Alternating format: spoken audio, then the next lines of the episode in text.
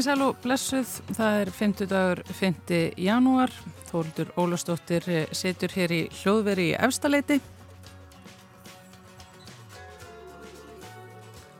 og við ætlum að reyna ná sambandi við okkar mann í, í hörpunni þar sem að Guðmundur Pálsson er, er stattur, hann er að ganga einu hörpuna var þegar ég heyrði í honum áðan að allar þar að taka stöðuna á svansvottun sem húsið var vist að fá. Við ætlum svo líka að... Og Guðmundur Pálsson hér að stíga inn í hörpu sem hlaut svansvottun fyrir nokkrum dögum síðan. Við erum að forrætnast um hvað það þýðir fyrir tónlistar og rástefnu húsið hörpu. Já, takk fyrir það, Guðmundur. Við ætlum svo hér og eftir líka að ræða um virðismat starfa. Það er mjög einfaldri mynd e, það að meta korst sé mikilvægara eða öllu heldur verðmætara, að passa peninga eða börn, að fljúa flugvelum eða hjúgra fólki, að vinna í vaktavinnu eða dagvinnu.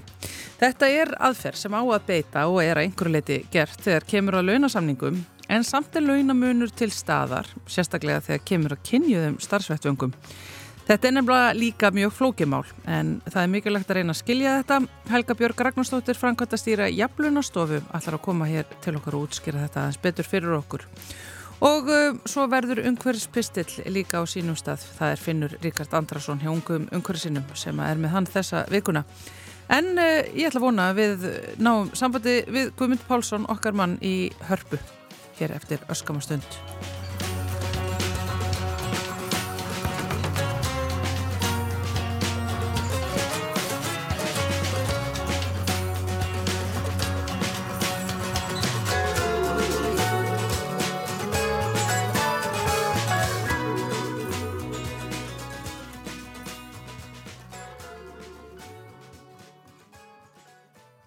Hér í gæri samfélaginu var rætt við hluta rannsóknarteimis sem skoðaði virkni jafluna staðals og benda fyrstu niðurstöður til þess að jafluna vottun sem er löglitt og um 450 stopnarnir og fyrirtæki á Íslandi hafa nýtt sér hafi ekki bein áhrif á launamun kynjana. Þrátt fyrir þetta sögðu rannsakendurni sem við rættum við að jafluna vottun sé ágætis verkværi. Það megi hins var bæta það og brína. Eitt af því sem að þyrti þá að bæta og breyta og kom fram í viðtalinu var að vinna að því að meta virði starfa. Þetta er punktur sem okkur langar að fræðast eh, betur um og því er hingað komin til okkar Helga Björg Ragnarstóttir, frangandastýra Jaflunastofu. Sælverstu? Sæl. Eh, hvað þýðir virðismat starfa, Helga? Já, það eiginlega þýðir bara það að það þarf að leggja mat á virðistarfs við launasetningu og það er í rauninu bara hverða á, á um það í lögum að launaákvæmni skuli byrja, byggja á uh, viðmiðum, tiltegnu viðmiðum sem fel ekki í sér kynjamismun. Mm. og virðismatskerfi er samsett bara viðmið, nokkur viðmið sem eru sam, sett saman til þess að nota til grundvallar launaákvæmni og það má segja það sé kannski það sam og starfa flokkunur oft uh, nefnd í, í jaflunastælunum Já Byrju, hvernig þá virkar þetta uh, svona niður á golfi hjá uh, almennu starfsfólki? Vist, er þetta þá bara vist, þessi gamla saga um að það er vermaður að passa peninga en börn? Vist, er, þetta, þetta jafna þetta? Já, sko, það er náttúrulega á ekki að vera þannig. Það á en að vera þannig að það sé lagt mat á uh, virðistarfa með kerfisbundnum og hlutlegum hætti út frá viðmiðum sem ekki leiða til kynjamismununar. Uh, þetta er ákvaði, þetta er raun og veru kraf, krafa í lögunum, þetta ja. er krafa frá uh, jafnlunarsamtíkt ILO og þau hafa nú hérna alþjóðafinumálastofnunin hefur mér sér ekki út leiðbynningar um hvernig maður skuli gera þetta uh, en það eru náttúrulega fæstir hér á landi sem nota að beita þessari aðferð mm. og eru kannski að launa setja meira bara svona byggt á gamlum hefðum og því sem að svona hérna þessari sögulegu Eh, þessum, þessu sögulegu hérna, uh, verkaskiptingu kynjana. Já, þannig að þetta er til dæmis úst, þá í raun eh, ástæða þess að uh, hvenna stettir eru lægra launar heldur en hefðbundir karlastjettir. Já, það má ég að segja bara það. Ég meina, störf hvenna voru ólönuð inn á heimilunum framanaf og svo þegar þau fóru út af heimilunum og inn á heilbriðistofnanir og mentastofnanir, þá voru þær í rauninni lægra metnar. Þessi störf voru lægra metin heldur en karlastörfin. Já. Höfðu náttúrulega verið ólönuð. Þannig að það var svolítið bratt upp og við erum ekki enn komin á réttan stað með þetta. En hérna, kannski sko launamunin, launamunin kynjana, hann er náttúrulega, hann er staðrind og búin að vera til staðar alltaf og hann fer hægt mingandi, allt og hægt uh, og hann er, hann var ekki hans, hann að mestuleiti til kynskiptsvinnumarkaðar og það er með þar sem að þessi virðismats nálgun kemur inn. Já. Að af því, kyn, því vinnumarkaðin er svo kynskiptur, konur gegna ákvönum störfum frekar en, frekar en hérna karlar, til dæmis uppeldis og mentunastörfum og umunastörfum, uh, að þá svona fælst launamunurinn í því. Hann er í raun og bara innan stjætta og það má alltaf finna fyrirtæki sem eru bara með enga launamun af því það eru bara ekki þessar ólíku starfstjættir til staðar innan fyrirtækjana, skiljur þau. Þannig, þannig að það er svona, já, launamunurinn liggur þarna, innan, hann liggur inn á millistarfstjætt en ekki, ekki innan þeirra og, og það þarf að tækla. Það er flókið af því að þar eru við að fást við verðmættum að samfélagsins í heilt að til dæmis hvernastörun eru frekar hjá honum ofnbæra aðlunum og karlastörun kannski enga geranum og þá er maður að velta fyrir sig hvernig á maður að leiðrætta þetta og það þarf að gera með því að leggja mat á virði starfana. Og þetta er eitthvað sem er þá svona hefð samfélagskerfi sem er innbyggt inn í hjá okkur að svo er takið aftur þess að dæmum og það er vermaðar að passa peninga en börn. Þú far meira borgað fyrir að, að, að vera einhver uh, fjármálaspaði í borgatúnunu heldur en að vera leyskólakennari. Já. Uh, það er þá eitthvað sem að væri hægt að vinda ofan af þá með þessum stuðlum og, og, og, og viðmiðum sem er bundin í lög, en það er ekki þannig. Nei, sko, þannig að núna er... þarna það eiginlega detti alveg út. Já, krafan er í rauninu að við gerum það, en við eigum ekki endilega þækin. Og ef við horfum bara á launamunin eftir mörguðum, því við erum alltaf með ólíka markað í Íslandi og uh, launamunurinn er mismikill innan markaða Já. og hann er langlegstur með alls veitafélagana sem hafa notast við matskerfi eins og eh, alþjóðvinumálastofnun leggur til alveg frá aldamótum. Þar er í rauninni hérna, óleðri til launamunum 7,4% árið 2019 uh, á móti 13,9% hjá, hjá öllum saman og ef maður segir sko, hórið til almennamarkaðins þá var hann 14,8%. Þannig að það er gríðalögu munur á launamun, á launamun kynjana eftir mörguðum og þá er náttúrulega mjög nært að velta fyrir sér, eru við að launasetta með ólíkum hætti eftir mörgum og hérna, ég, allan ég þeirra skoðunar að, að, að, að starfsmat sveitafélagana sem eru að nota núna í 20 ár rúm, það sé líkil þátturinn í þessum árangri sveitafélagana í að hafa minni launamun. Já, en hvað með þá allar þessar pælingar um að veist, markaðurinn leiðrýtti sig alltaf á endanum sjálfur og, og já, ég minna þarf þú bara ekki að enga væða allt og þá munir þetta gerast? Sko, allavega tölur um launamun sína að launamunin er mestur á almennamarkaðunum þannig að ég gef frekar lítið fyrir já, þessar skýringar. Já, þannig að ég segi, sko, það þarf auðvitað struktúr á launasetningu, hún er ekkit bara grín, það er verið að taka ákvörðunum það e, það er, það er raun og verið að byggja ákvörðun á laga ákvæði sem gerir kröfu um að við notum ákveðin viðmið til ákveðinatökunar og við getum ekkert bara að lefta okkur að gera það ekki, við eigum að gera það. Uh, og það er náttúrulega bara ákveðin vilji núna uh, til þess að, að, að manni heyrist á, hálu stjórnvalda að svona gefa svolítið í þessum efnum og fara að líta til verðismatsins.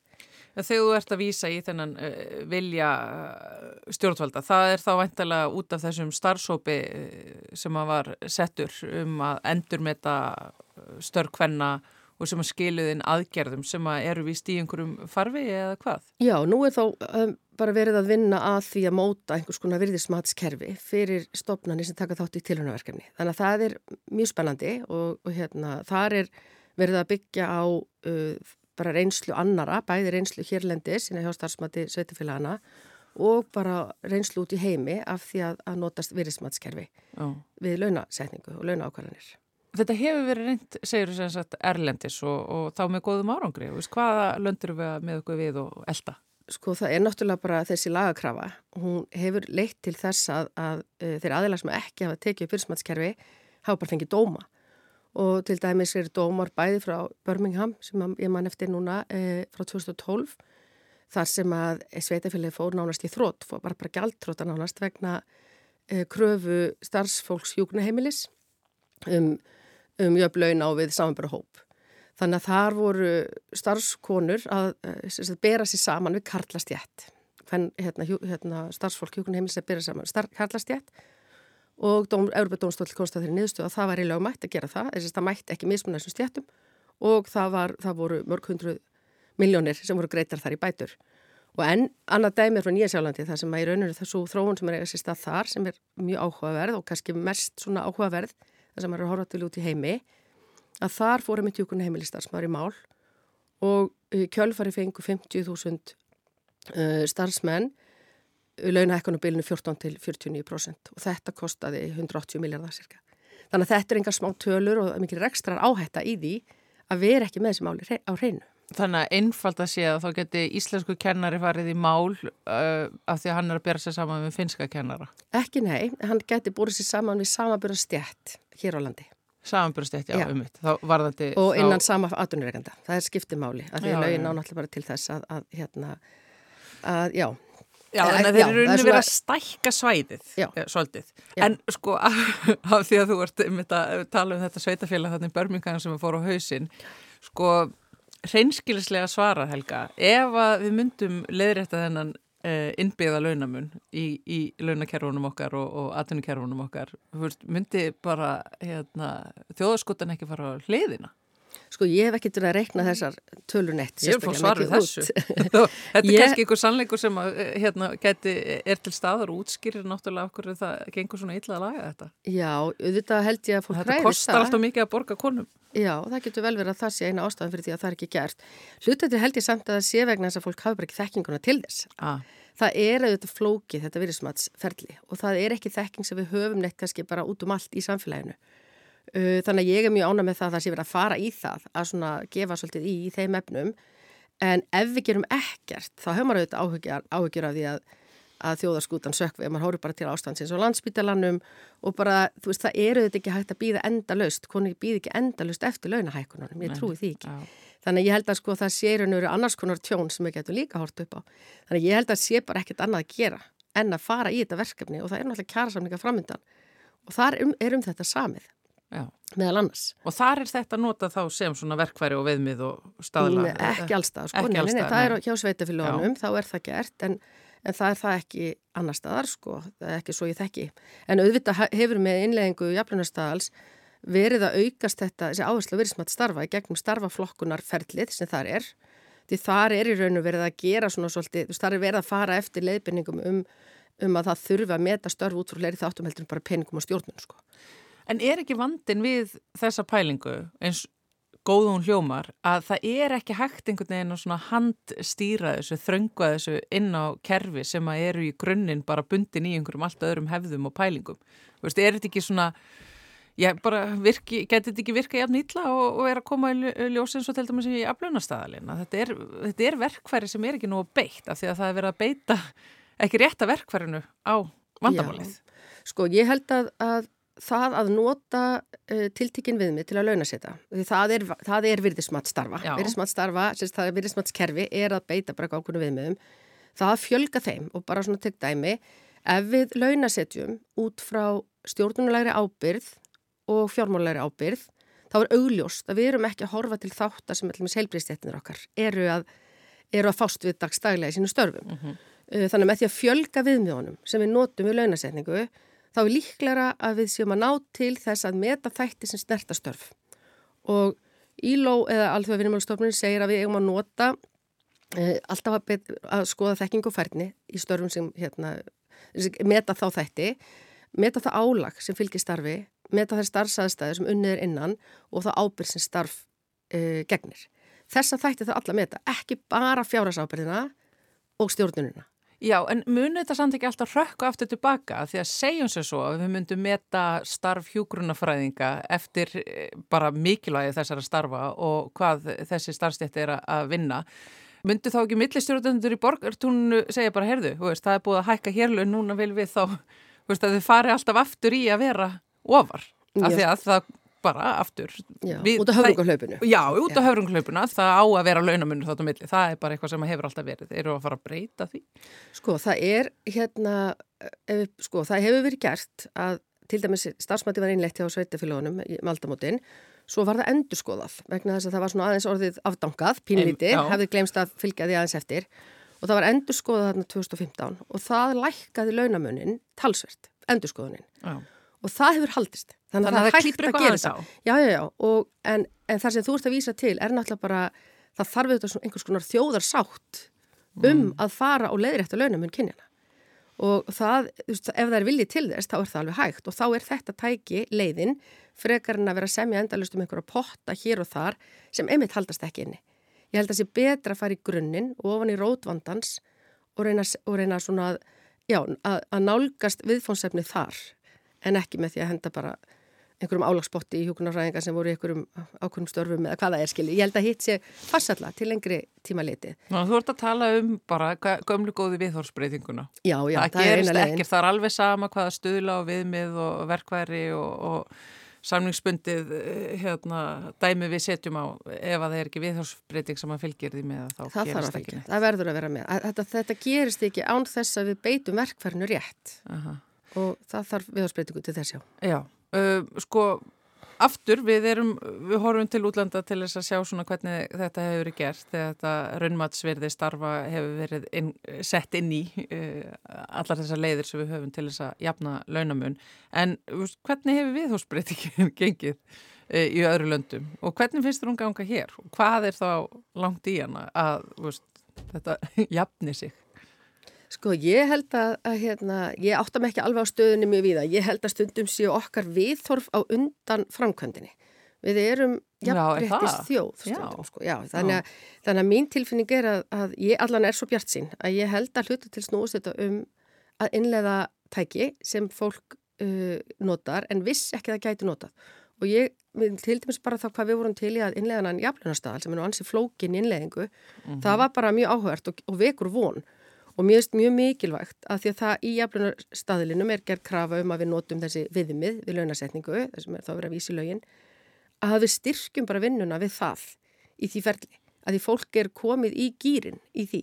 Það er, það er, það er farið að vinna að jafnlunarmálum með einu með öðrum hætti í tengslu jafnlunarstaðlin og við reynum einhvern veginn að styrkja þá vinnu og styðja við þá vinnu með því að hafa aðgengileg eh, einhver tæki í, í þeim efnum. Mm. Að ég held að fæstir vilji mismuna og því nú er ég að horfa bara á fyrirtæki eh, við erum ekki að horfa á samfélagi heilt hérna nú er ég að tala bara út stjórnandi fyrirtæki þá held ég svona fæstir viljiða en auðvitað gerist það að því við erum með bíaseruð, við erum með hérna, skakka sína á það hvað er verðmætt í samfélaginu Já.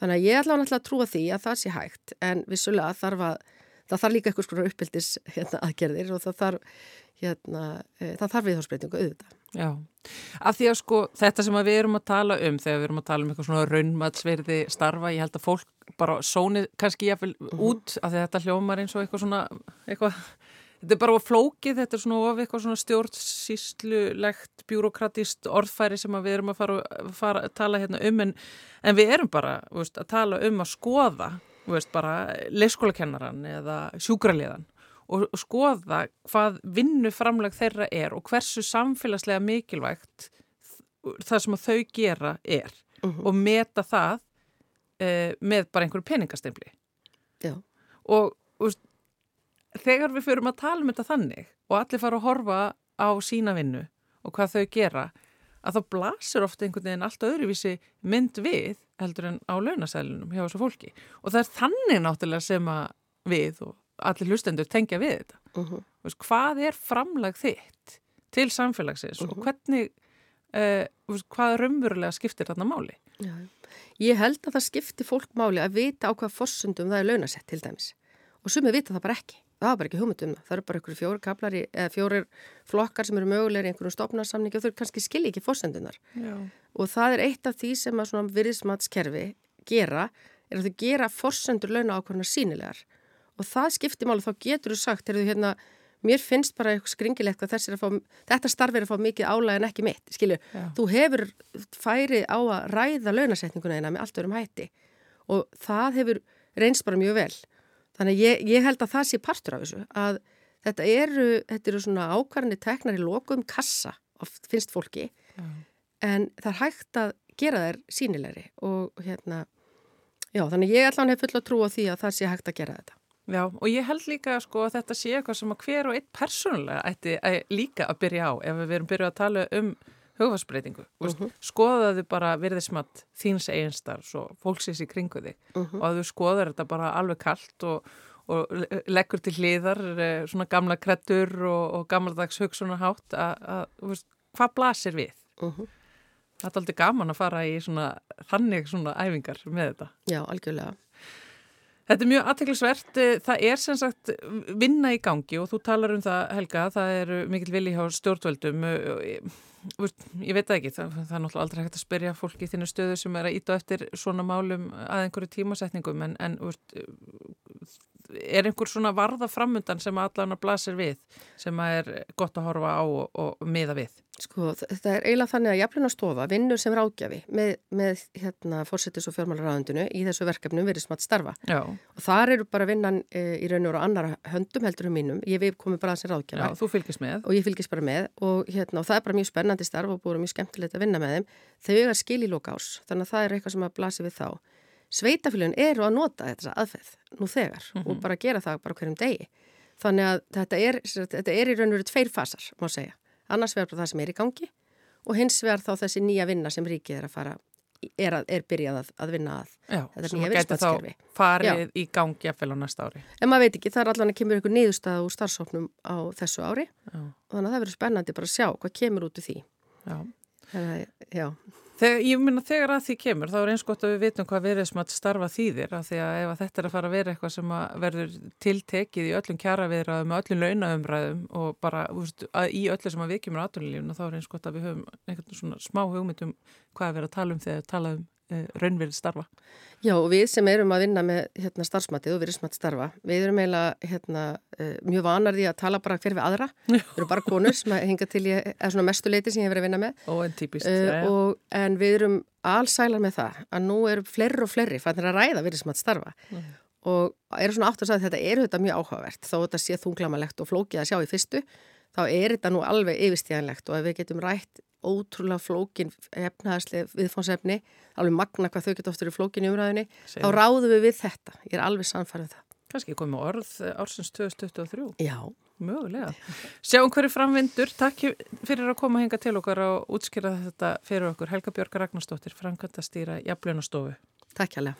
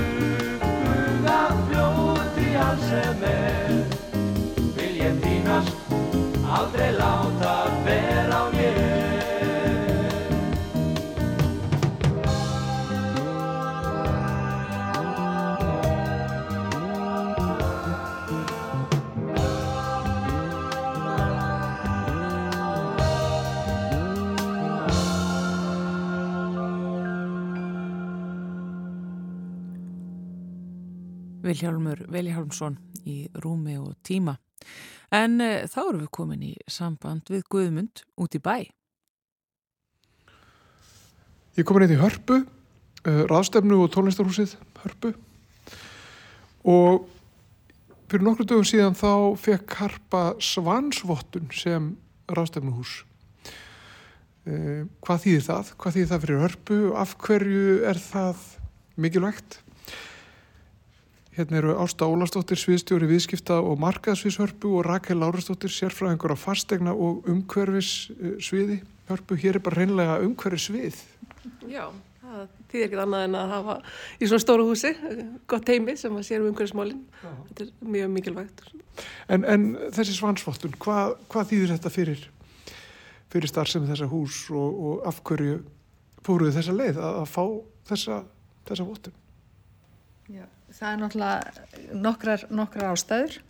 Einn af þeim er auðvitað við viljum bara leggja okkar að mörgum til, í þessu málum og, og við viljum bæði hvetja þá sem er að koma hérna með viðbyrjhörpu til þess að sinna þessum hérna, umhverfismálum vel og að, sum, að samaskapi er þetta farið að verða meira og meiri krafa þegar við erum að velja áfangastað og velja við, hús fyrir viðbyrðin að það sé vottun í gangi og það sé verið að huga þessum málum.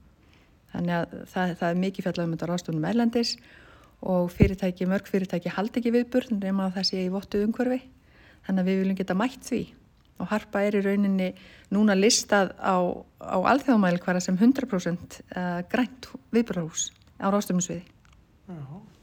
En hvernig með þessu, byggingarefnin í þessu húsi og, og þess að það, maður hefði haldið að það þurft að taka til þess bara þegar húsið er byggt reynilega hvort að þetta sækjast eftir uh, svansvottum. Já. Uh, húsið sjálf þannig er ekki svansvottað, nú eru hús sem eru verið að byggja sem eru svansvottið en við erum bara að hérna, svansvotta þess að ráðstefnu partinn hjá okkur.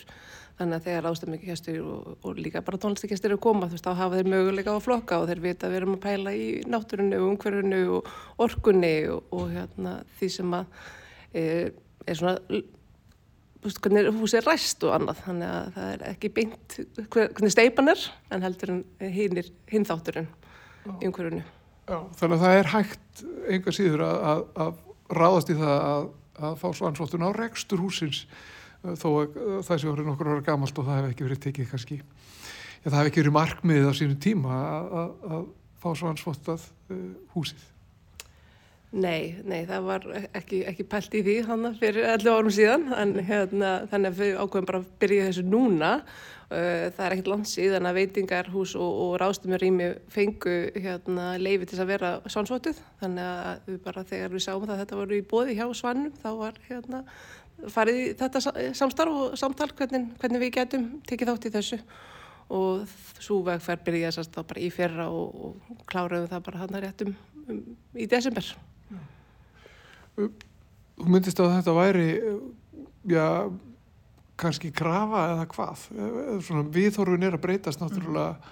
allstar og, og fólk vil uh, hafa minnst okkur til valkost um, um, um uh, geta valið umhverjusvetni uh, kost. Er þetta að gerast allstæðar í kringum okkur og er, finnir þið fyrir því bara þau eru náttúrulega í samkefni um að halda hérna stóra viðbyrði? Já, sko það sem harpa er ofta og Harpa og Reykjavík eru í samkeppni við önnulönd og ön, önnur viðbörahús um margar stóra ráðstöfnur og þá er þetta einn ein ángin af því að ná, ná viðskiptum til Íslands og kúnanum til Íslands. Um, hérna getum við bóðið upp á viðböraskíslu að loknu viðbörði þar sem við getum gefið viðbörahaldara um, sagt, mælum hversu, mik hversu miklu er hend, hversu mikið vatnanótar, hversu miklu orkuanótar og hva, hvað fyrir mikið í landvillingu, hvernig við vinnum úr, úr hérna, úrgangi öðru. Og Norðurlöndin hafa verið svolítið fremst meðal jafningja í því að vera að huga, þessum málum. Og við sjáum það að ráðstöfnum sviði á alheimsvísu að Norðurlöndu tóku saman svona hérna þessa vottun og hvað við erum að gera í umhverfismálum. Og þetta hefur haft það í förmið sér að sko í ákveðinu samtöku sem við erum aðilar að að þar er allur heimurinn komin á eftir og farin að huga þessum málum sem sínir að þetta skiptir máli þegar kemur að sölu. Þá, þá er allir tilbúinur að rýsa upp og, og gera hlutina sem þarf, bara því ekstra mæl og við finnum verulega fyrir því þegar við erum að kynna hörpu á, á Erlendis að þetta skiptir máli En þetta er, eh, sko þetta eru kannski alþjóðlega rástöfnum sem verður að halda og fólk þarf að fljúa allstaðar að. Eh, það þarf náttúrulega að gera það kannski bara hvort sem er ef það á að halda rástöfnu. Þannig, þannig að það, það er kannski ekki eitthvað sem að verður leist með, með vottun á þessu húsi. Það er að ferðalokk fólks. Nei, ekki en þá. En málið er að, að þetta allavega verður til þess að það er jafnvel þó að sé ekki um að réttlætingin að, þó, að þú borgir flug til að komast yngar þegar við erum ju eiga en ótrúlega vel staðsett eiga hérna á milli Evrópu og, og Ameríku. Þannig að það gerur okkur ákjósanleg. En það að geta komiðinga og verið á, á með sem sagt á, á vottum við, hérna í vottuðu viðbröðurhúsi og jafnvel á vottuðu hóteli það allt hjálpar til. Og þetta líka sínir að því að svansvottunum er vottun, er vottun og þriðja aðila þannig að það staðfestir að við erum ekki bara í svo kvöldu greenwashing að þetta er alvöru sem við erum að gera. Og þetta er gert að metnaðu og það er þetta reykjalt sem við erum að gera En hversu mikið mál er að fá svona vottun og hversu mikið vinna likur þar að baki? Og, og hver, hver eru svona, þegar þessi ákvörðin er tekin, hver, eru fyrstu skrefin? Er það, er það að skeita hérna, umhverjus sviði við, við fastegnarsvið? Já, eins og segja, við erum, erum hópur með hérna í þessum umhverjusmálum, við erum fjögur þannig að við erum eitt úr hverri dild þannig að það er allir involveraðar í þessu við byrjum ferlið á að fara í hérna, græn skref sem er hérna, gegnum umhverjastofnun og það er svona hjálpaði helling. Uh, þá voru svona, harfa var nú þegar byrjuð áfyllt af, af umhverjast þáttum sem við fórum í lettvæðingu í COVID til dæmis og lettvæðum alltaf salina og framhúsið. Uh, það var farið mikið orkusbarnað á hérna, lýsa upp og hvernig vatnið frá húsinu fer. Það var að nýta það sem best. Um, það var, við vorum alveg byrjað að flokka en tökum það bara fastari tökum núna og alveg það fer ég ekkert út úr húsin en maður er búin að mæla það þannig við veitum alveg hvaða kílóin fara út úr hérna, þessu húsi. Eh, en bara með því að fara í svansferlið þetta er bara meiri svona verkferðlar og svona vera íta okkur að gera stöður um, hérna, umbætur. Þannig að þetta er bara svona staðfesti betur þá vinnu sem við vorum nú þegar hafinn og bara til að bæta okkur til lengri tíma litið og svo kannski gaman að segja frá því að svansvottunum er bara ekki komið til að vera við þurfum að skila skýslum til þess að viðhalda henni þannig að þetta er ekki bara svona one-off one og þá eru við góð sko En eru, er, er þetta mikið áttak? Er sko, er margt sem þarf að gerast hérna innan hús til þess að, að geta tekið skrifin sem nefndir hann og svo uh, að fá þessa vottun? Það er svona þarf að virka starfsfólki eitthvað neina á eitthvað sérstakana hátt og er þetta, er þetta mikla fjárfestingar og þess aftar sem það ræðast í? E, það þarf náttúrulega að involva alla, alla starfsmenna og hérna það er alveg teknir oft fundir þar sem þessi mál eru eh, sagt frá þessu og hvernig við erum að standa okkur og hvernig tölun að líta út. Innkjöpa teimi hjá okkur þarf að vera mjög meðvitað um það, það sem við erum að vesla inn og svo er alltaf, erum við með rekstraðala hérna í húsinu sem sjáum til með veitingarnar og þau eru bara 100% með okkur í þessu og virkilega pæla í öllu því sem þeir eru að kaupa allar einnóta pappirinn þegar komir þúsum mannsar ástæfnu þá, þá þarf svolítið mikið að pæla hvað glösar eru að nota og annað. Þannig að hérna, það þurfa allir að vera hérna, ganga sama taktin í þessu og telum við bara ganga nokkuð vel í því sko. Og við erum hérna með sko bara á bladi uh, framkvæmda áallun uh, um, um svansvotun og þetta eru hansi, hansi mörg eh, skref og það er margt sem er að taka til í til sko. það þarf til dæmis að hugsa um sko, bara hvernig klósetin eru og hérna hvernig skólun er úr þeim og, og svo framvegis þetta eru mörg aðri sem þarf að, þarf að huga að og, og mistór Já, þetta er, þetta er mjög margt sem það þarf að pæla í sko þannig að hérna, komir álega óvart til að byrja með sko en, en hérna, það var sem betur verið margt sem við gátum alveg satt já, við, við uppfyllum þetta og hérna þannig að það var, það var ágætt. Um, eitt af því kannski svona sem að var kannski vandraðum eða voru oft svona kannski litli hlutir frá byrgjum eins og bara með svansvotið kerti eða, eða voti kerti sem að hérna duga nú lengi fyrir einar ástöfum þannig að hér sé ekki þjóðna hlaupum og skiptum kerti þannig að það þurfti kerti sem virkar í fjóra tíma ekki bara tvo tíma. Þannig að þetta hérna og fór líka lífrænt votaðan mat það er kannski svona eitthvað sem að mætti auka í svona stórum pakningum eins og fyrir svona þegar það er elda fyrir þúsum manns þá þarfstu svona rosa mörg, mörg kíló þannig að það er svona kannski partur sem við erum að íta á byrjan okkar líka til þess að aðstofa okkur með sko. Og svo sér maður hérna þessa, þessa þessa áallin hérna og alla þessa hluti sem að þarf að þurfa að vera hreinu og ég sé nú reyndar ekki að pennana hérna á, á þessu blæðin en pennadir eru hérna úr hvað, pappa? Þetta er pappi og endur nýtt plast Já. Þannig að það var bara að fara í það að vera með góða, góða penna fyrir viðskiptvinni og, og okkur bara starfsfólkið innan hús og allir pappirinn sem við skrifum á, það er allt endur nýtt og, og þannig að það er þetta er pælt í öllu svona og þetta fólk kannski áttast ekki á því þegar það kemur inn að það sé að vera bæli hlutum en þá, þá er mikil hugsun í flest allt sem er kipt í reyni sko. þannig að kannski eina sem er erfitt að hafa það er tæknibúnaður. Það er það sem að kannski yngabustjórun okkur í, í hérna, svona ljósabúnaður og svoleiðis það er ekki komið í, í vottunarferli en, en, en það er farað í dábyrgja og þeir finna fyrir því. Og svo hefur þetta svona áhrif innan hús að hérna eins og núna erum við búin að vera með fatamarka, skiptimarka hér innan hús að fólk getur komið með fatna sem það voru hægt að nota og við hengjum það bara upp og hver getur tekið og bækur og það hefur verið rætt um að vera skiptast á pústlum og svona. Þannig að þetta hefur áhrif svona innan hús hjá okkur starfsfólkinu. Já. Að hugsa allir einhvern veginn í þessum, þessum á þessa veru orðið. Já, það var líka bara gaman að þessu. Það var gaman að þessu, já. já það er þetta, þetta á ekki að vera hvöð þetta á að líka vera áhugavert og skemmtilegt og fá maður svona til að hugsa En, en eins og uh, gestirnir sem koma hérna og það eru kannski hvað að segja, eru þúsundir stundum sem að sækja hérna, hérna rástefnir í einu og, og stóra viðbyrði eru þeir með þetta um uh, svona einhvern veginn að þeir séu í þessu umhverfi og er hægt að virka gestina Já, við hérna, ég menn eins og til dæmis Arctic Circle er hérna hverju ári og það komið 2000 gestir og, og hérna og þar vinna þau með okkur í því að, að hérna, því við bjóðum ekki upp á neitt annað. Ráðsöfnusviðið er votað, þannig við bjóðum ekki upp og það er ekki bóð að vera með einnúta flöskur. Veist, það, er ekki, það er ekki bóði annað en að það sé hérna, græmitismatur líka í bóði og annað slíkt og þau vinna bara með, mjög vel með okkur í því og þannig, þannig vinna allir ráðsöfnun haldara. Það er allir einhvern veginn mjög meðvitaður um þetta finnst mér í dag, sérstaklega hér á Íslandi.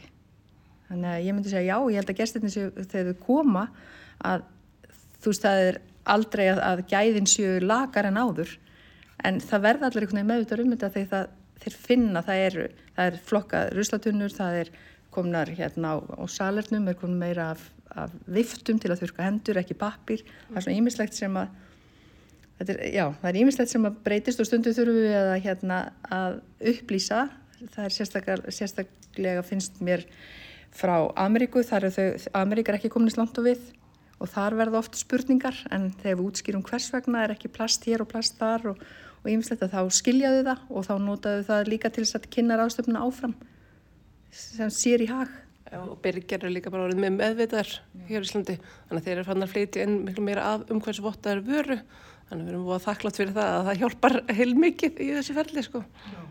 Þú myndist að það er svo orkusbarnað á þann, maður ímynda sér að það sé doldið mikil orka sem að fer í að hérna, keira þessa viðböru sem eru hérna í þessu húsi eh, það er náttúrulega lýsingin og svo þarf að hitta og svo er loftræsting og svo er og bara nefndu að þetta er náttúrulega gríðalega orka sem fer mætt að lega í þetta hús voru mikil tækifæri þar þegar þið byrjuð eh, að svona reyna að finna leiðir til þess að spara orku? Já, það nefndi aðan með lettvæðinguna það var alltaf heil, heil hellingur sem er sparað bara við það að, hérna, og það er verkefni er ekki eins og búið. Við höfum eftir að fara hérna í bakhúsi þar sem er alltaf skrifstofnar og svo les í meiru en e, þar er, er sparnaður. E, síðan er harpa þannig byggð að e, salinir eru, hýtaðir upp og loftið sem kemur á sjölunum eru nýtt, nýttið síðan til að hýta framhúsið þess að það á hjúpin. Þannig að það var alltaf að búa pæli því þegar að húsið var byggt hvernig var hægt að nýta orkuna sem best. Uh, síðan fyrir heita vatni sem er út úr húsinu það fyrir hérna í lækin fyrir utan hjá okkur það myndar hann hugla plan hérna hjá okkur. Þannig að það væri svona margið þætti sem voru búa pæli í fyrir allir árum síðan og, og hjálpar í þessu ferli allir saman. En er eitthvað eftir? Er, eru hérna eins og við sögum að þá er þetta verkefni sem er sko heldur áfram og mm. það þarf að skilja skýslum og halda áfram að vinna í, í þessum málum. En er eitthvað svona er hægt að taka fleiri skref, er hægt að taka starri skref jafnvel eða er eitthvað uh, framöndan? Það er alltaf eitthvað framöndan við viljum líka að hérna, gestur hjálpa okkur með flokkununa, það er nú kannski svona eitt af því stóra sem að fyrir að það fyrir alltaf gífurinn magna af sorpi hér. Þannig að hérna, það er svona það sem við ætlum að nýta ári líka að kynna uh, gestum fyrir það að við séum svonsvottuð og viljum að, að þau aðstofa okkur með með það og það er það sem þau geta að byrja það er, það er að flokka rétt og setja rétt að dalla um, annað svona sem er uh, framundan uh, það er náttúrulega já, við áframhaldandi af þessar leddvæðingu og svo erum við bara alltaf að finna hvað annað getum við gert til þess að bæta þetta er stöður úrbætur sem við erum bara að reyna að finna liða. En maður ímynda sér sko að þetta sé svolítið mikið af einmitt rusli eins og það talar um mm. Og ef fólk flokkar það ekki rétt þurfið alltaf að fara yfir ruslið, er það flokkað síðan endarlega ára að ferja út úr húsi? Við svona kíkjum að séfir, starfsfólki okkar er mjög meðvitað um, um þess flokkununa þannig að það er stundum hendur sem fara honi tunnunda til þess að hendur flokka sem er bara frábært. En hérna svo erum við í samstarfi við Terra sem er með mjög flotta flokkunar miðstöð, keftu vél þannig að það var ákveðið að fara til þeirra. Þannig að ruslið er líka endurflokkað hjá þeim hérna, í þeirri vél þannig að það fari alltaf á, í réttan, réttan haug þannig að hérna, manni líður svona aðeins betur með það. Já, þannig að þetta eru, þetta eru svona nokkur stig af, af flokkuna, það byrjar eh, byrjar mæntalega á því bara hvað er keift inn og svo hvernig hvernig þið gengir frá því í, í ruslið hér og svo út úr húsi og svo þegar það er komið úr húsi þetta er, er alltaf flokka meira og meira og meira Já, það fylgir unni svansvotuna þá verðum við að vestla við grænvottaða byrja ef þeir eru til staðar Þannig að, að þar byrjar ferlið að maður verður að, að við veljum byrja, þá byrja sem eru svansvotaði líka ef, ef að þeir eru til staður á Íslandi. Og þannig að þar byrjar það. Að, og svo þetta, snýst þetta um bara fyrir, fyrir hörpu að, að halda okkur hérna á toppnum í þessari vottun og, og, hérna, og bara þú veist Íslandi og Reykjavík og Borg til þess að halda áfram að vera hérna efst, efsti kostur þegar, hjá þeim fyrirtæki sem að krefjast þess að það sé votta viðbur, viðburðarhús fyrir viðburðum þeirra mm. og við, maður finnur alveg eins og ég sagði á þann að það er alveg greinilegt að þetta er orðin, orðin meir og meiri krafa erlendis frá Myndu þið segja neyfið eitthvað sem að myndu segja um að fá halda þetta ráðstöfnu af þessum ástæðum? Myndu þið segja nei þið eru ekki nú græn fyrir okkur? Nei við, við gerum ekki kröfu, kröfu í það því við stýrum hvernig ráðstöfna fyrir fram veist, hvað er keift inn og annað slíkt en við getum ekki keift inn að, að byrja sem er ekki grænvottaður ef það er annað byrja á Íslandi sem er vottaður með jafnkóða vöru mm -hmm. þannig að nei, við, en eins og ég segi við getum ekki, við segjum ekki nei við viðskiptavinn af því að við stýrum hvernig það framkvæmum viðbúinu hér Við ætlum að ljúka þessu svona, takk fyrir að taka á mótum mér Ásta Ólafsdóttir, eh, sviðstjóri viðskipt á Markasviðs Hörpu og Rakel Lárisdóttir, sérfræðingur á fastegna og umhverjusviði. Takk fyrir þetta, gaman að fá heimsækningur. Takk fyrir komina.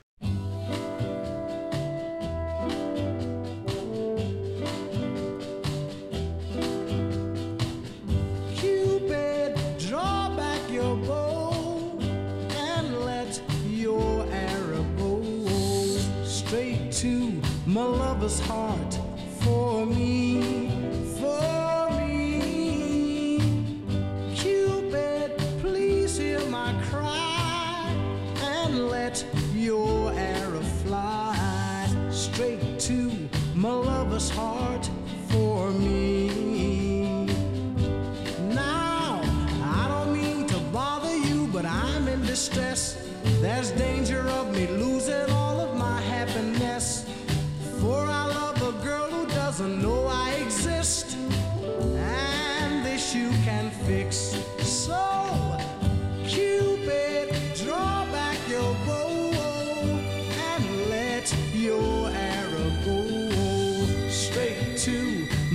was hard for me. No.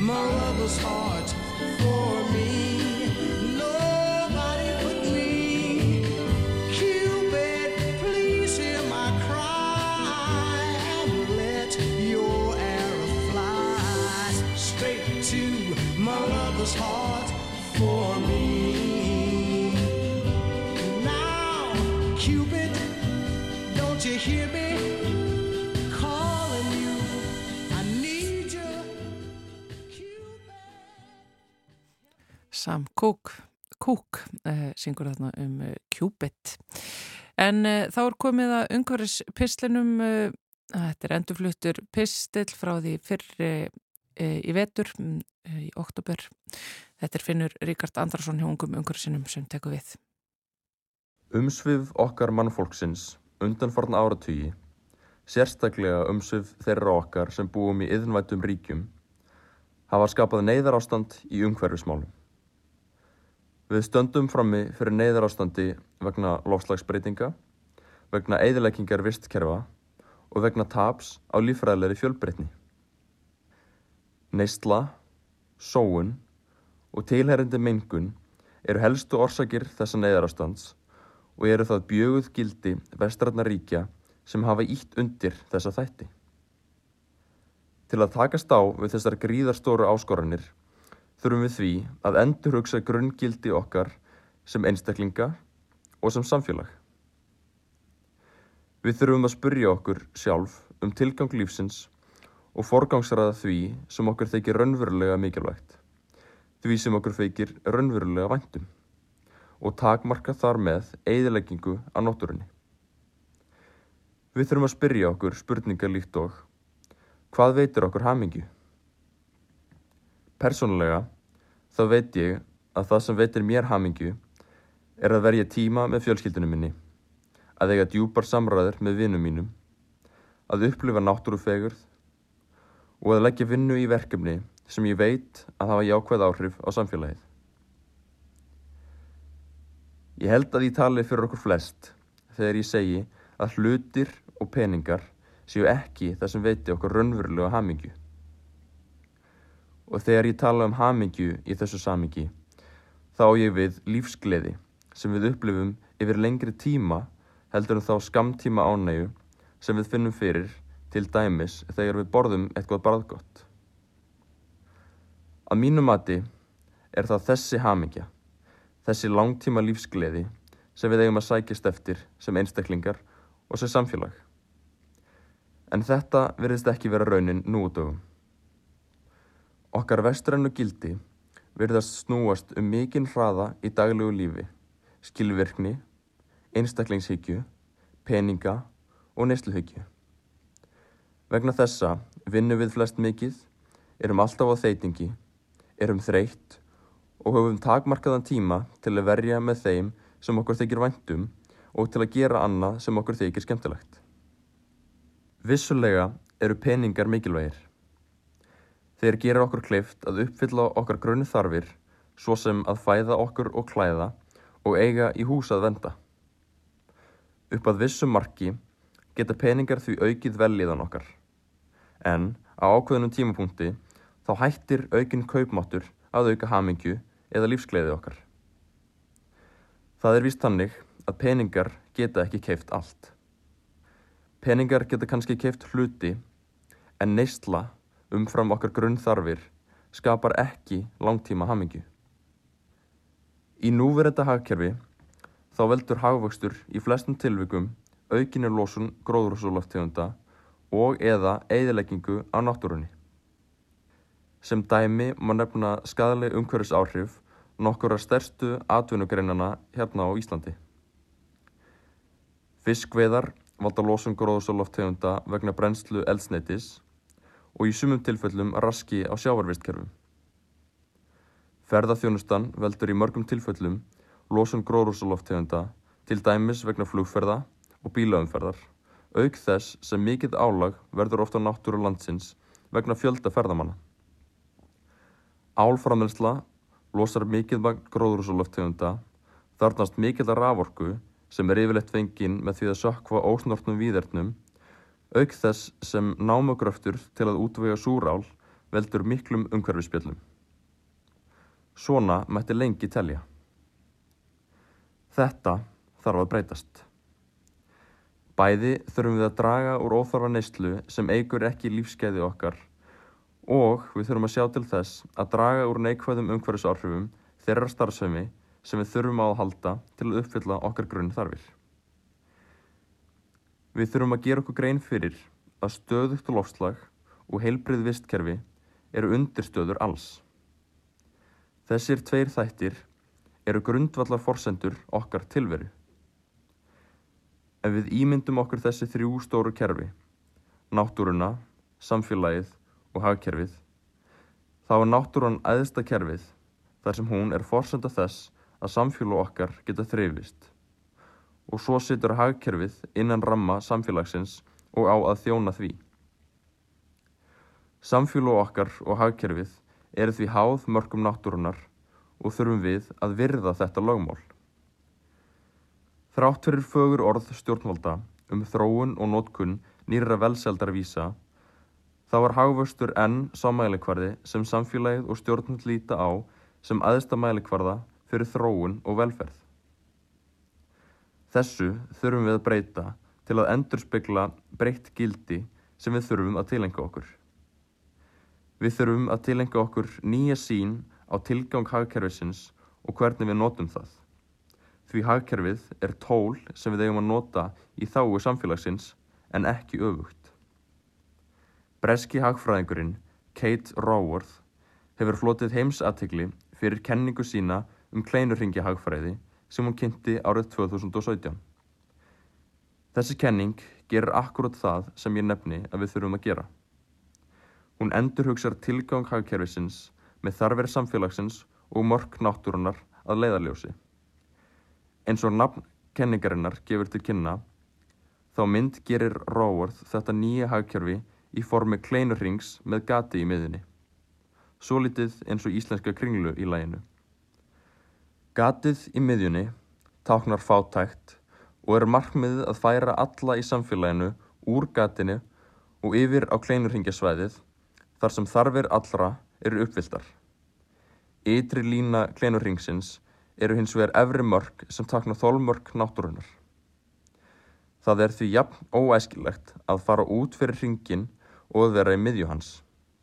Hinn gullni meðalvegur liggur inni í kleinurringnum. Þessi kleinurringjakenning leggur því til að í stað þess að leitast eftir endalusum hagvexti þurfum við að hámarka velferð sem flestra samtímis þess að virða eðlisfræðileg og efnafræðileg mörg náttúrunar. Það eru til margar lausnir og það að hrinda þeim í framkvæmt er bráðnöðsynlegt í ljósi þess neðarástands sem ríkir. Sem samfélag þurfum við að umbreyta grunngildum okkar og með þessari umbyltingu þarf skipulag samfélags okkar einnig að breytast. Þegar talað er um að það þurfi kerfisbreytingar til að leysa lofslagsvandan, þá er átt við einmitt þetta. Vilji stjórnvalda er hins vegar það eina sem vantur upp á.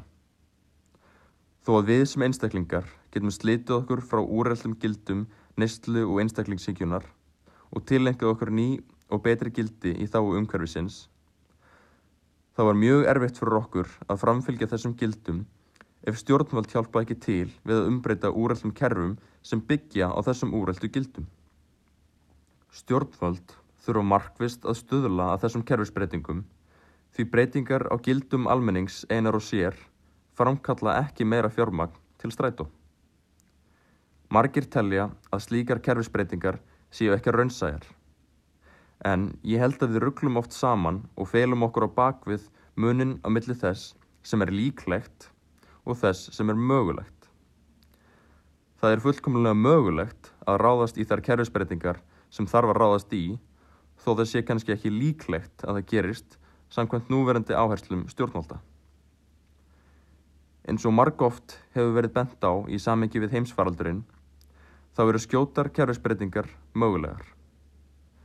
Gangi samfélagsins var gjör breytt með einu pennastriki í þái helsu almennings, í þái samfélagsins og í kjölfarið dróst neysla saman og sömuleiðis dró úr losun gróðursólaftegunda.